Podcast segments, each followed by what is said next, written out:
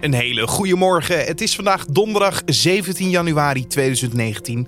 Mijn naam is Carne van der Brink en dit is de nu.nl Dit wordt het nieuws podcast. Presentatrice Linda de Mol staat vanaf juli voor de camera's van Talpa. De bekende presentatrice en zus van John de Mol vertrekt namelijk bij RTL. Daar heeft ze twaalf jaar lang echt heel erg leuk uh, gehad. Maar ze zei, heeft ook altijd gezegd: als mijn broer me nodig heeft, dan ga ik.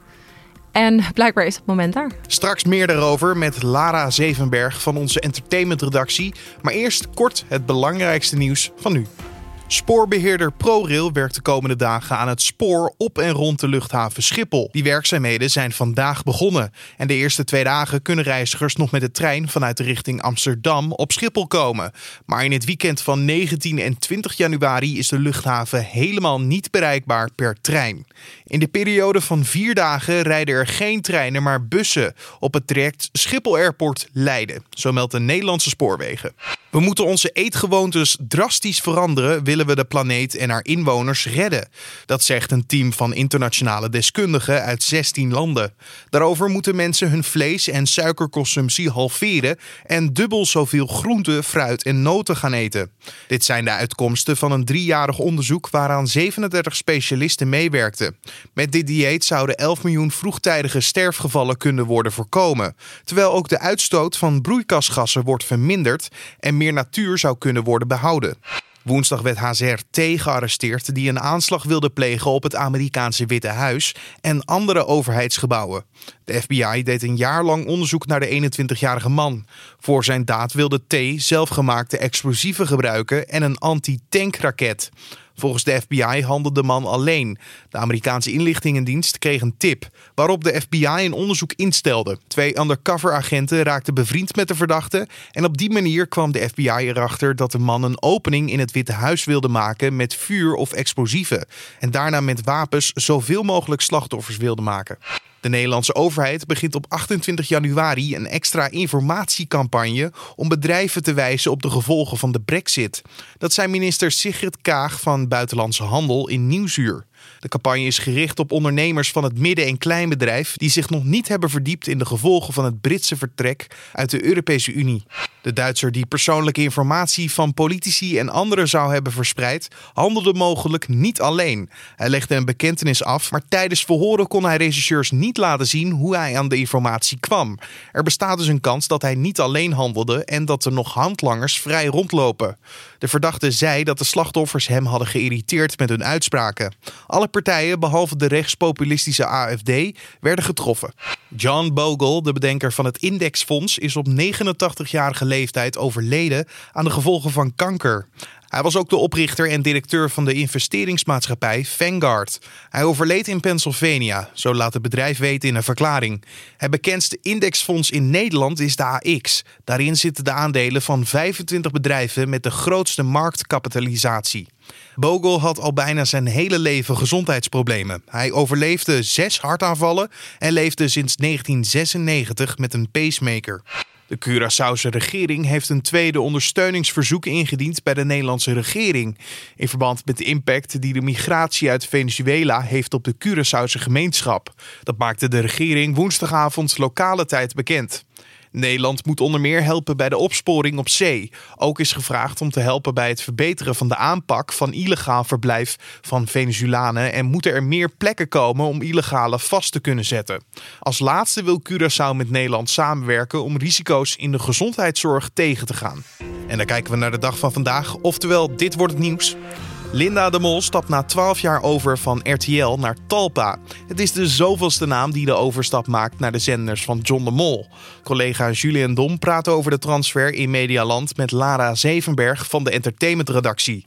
Want deze overstap was niet geheel onverwachts. Nee, zeker niet. Nee, nee, nee. Um, twaalf jaar geleden is ze weer bij RTL gaan werken. Daarvoor werkte ze natuurlijk al bij Tien. Dat was, was de zender die John de Mol destijds had opgezet. Van nou, dit wordt het helemaal. Nou, dat lukte niet helemaal. Een flop, kan je, was, je, kan het, je kan het op zijn zacht gezegd, kun je het een flop noemen. Uh, zij is toen weer bij RTL aan de slag gegaan. En uh, nou, daar heeft ze twaalf jaar lang echt heel erg leuk uh, gehad. Maar ze zei, heeft ook altijd gezegd, als mijn broer me nodig heeft, dan ga ik. En blijkbaar is het moment daar. John die heeft waarschijnlijk zijn telefoon gepakt of die is gewoon naar de toe gelopen en gezegd Ik, ik wil je. En ze heeft ja gezegd. Ehm, als we naar het persbericht kijken van RTL in dit geval. Ze waren erg netjes over het vertrek van toch een van hun grootste Ja, televisiegezichten. Ja, dat is ook weer waar. Maar kunnen we tussen de lijntjes toch iets lezen? Want ik kan me voorstellen dat dit toch wel een beetje kriebelt of jeukt. Nou ja, in zoverre, het, jeukt natuurlijk wel. Omdat er zijn de laatste paar maanden heel veel hele grote namen van RTL naar SBS gegaan.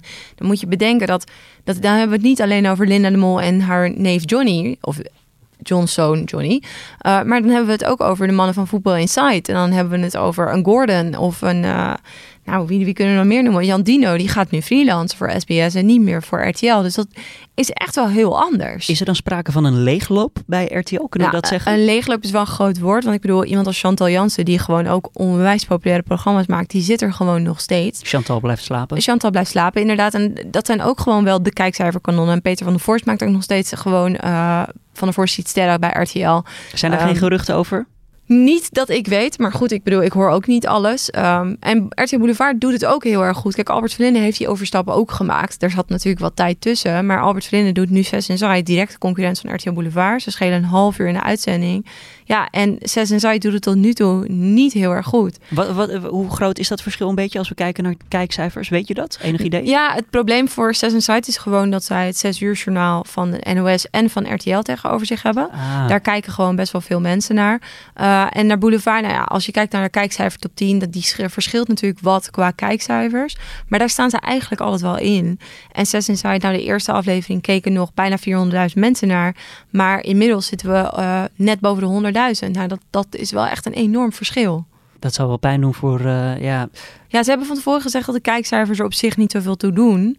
Maar ja, je gaat niet een Linda de Mol, een Albert Verlinde, een Johnny de Mol kopen als je niet wil dat het ook iets doet. Precies, ze zijn ongetwijfeld naar die zender getrokken om ook daadwerkelijk succes te laten zien op de deur. Ongetwijfeld, ja.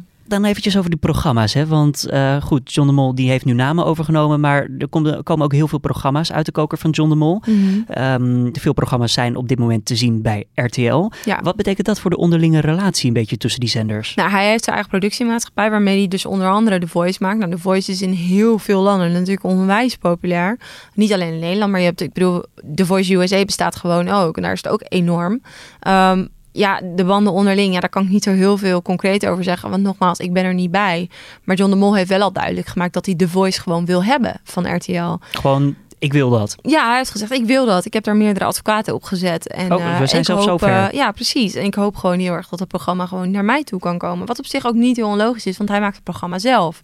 Het is zijn, zijn, zijn concept. Dus het is heel logisch dat hij het zelf wil hebben. Maar dat er advocaten op zijn gezet, betekent dat RTL dus niet zomaar wil weggeven? Nee, er zijn contracten. Ik heb begrepen dat er een contract ligt dat zij in principe het alleenrecht hebben om het volgende seizoen aan te kopen. En als zij ervan afzien dat seizoen aan te kopen, dan mogen andere partijen erop reageren. Dus pas dan zou SBS of een andere zender van Talpa in de, in Precies, de picture komen. ja, maar omdat het een product is van John de Mol zelf, denkt hij, hoopt hij dat er misschien een loophole ergens zit en dat hij op die manier toch uh, kan kopen. Nou ja, een loophole laten we John de Mol niet onderschatten en die advocaten ook niet. Er zal ongetwijfeld een uh, duur team achter zitten. Zeker. Um, verwacht je binnen korte termijn daar iets over te horen of is dit, uh, ja, nou ja, dit moeten we maar gewoon, gewoon. wachten? En daar, kijk, nu Wendy van Dijk ook heeft aangekondigd aan, uh, over te stappen, wordt die vraag natuurlijk wel groter, want zij is wel een van de presentatiegezichten van The Voice. Het is opgesplitst nu. Ja, want Martijn Krabbe die zit nog steeds bij RTL. Nou ja, dat is, het is ook de vraag of hij niet gaat. Ik bedoel, dat, dat vraag je je op dit moment bij iedereen af.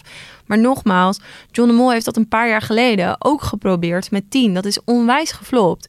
Dus al die namen, dat is nog geen garantie. De mensen moeten ook gaan kijken. En of dat ook daadwerkelijk zal gebeuren, only time will tell. Lara Zevenberg hoorde in gesprek met Julien Dom. Het KNMI waarschuwt voor winterse buien die donderdagavond en vrijdagochtend over grote delen van Nederland trekken. Er is een code geel afgegeven voor alle provincies behalve Noord- en Zuid-Holland en Zeeland. De waarschuwing geldt van donderdagavond 8 uur tot vrijdagochtend 8 uur. Het KNMI waarschuwt verkeersdeelnemers dat zij in deze periode hinder van de kou kunnen ondervinden. De vijf hoofdverdachten van een vermeende liquidatiegroep horen vandaag welke straf het Openbaar Ministerie tegen eist. Hen wordt verweten deel te hebben uitgemaakt van een criminele organisatie die liquidaties hebben voorbereid. Zij werden hier eerder voor vrijgesproken, wel werden ze eerder veroordeeld voor wapenbezit na de vondst van een enorme wapenarsenaal in 2015 in Nieuwegein. De mannen kregen straffen tot acht jaar cel opgelegd. Vooralsnog willen de hoofdverdachten niets zeggen, tot frustratie van het gerechtshof. En dan nog even het weer. Vandaag is een winterse dag met kans op hagel, natte sneeuw en onweer.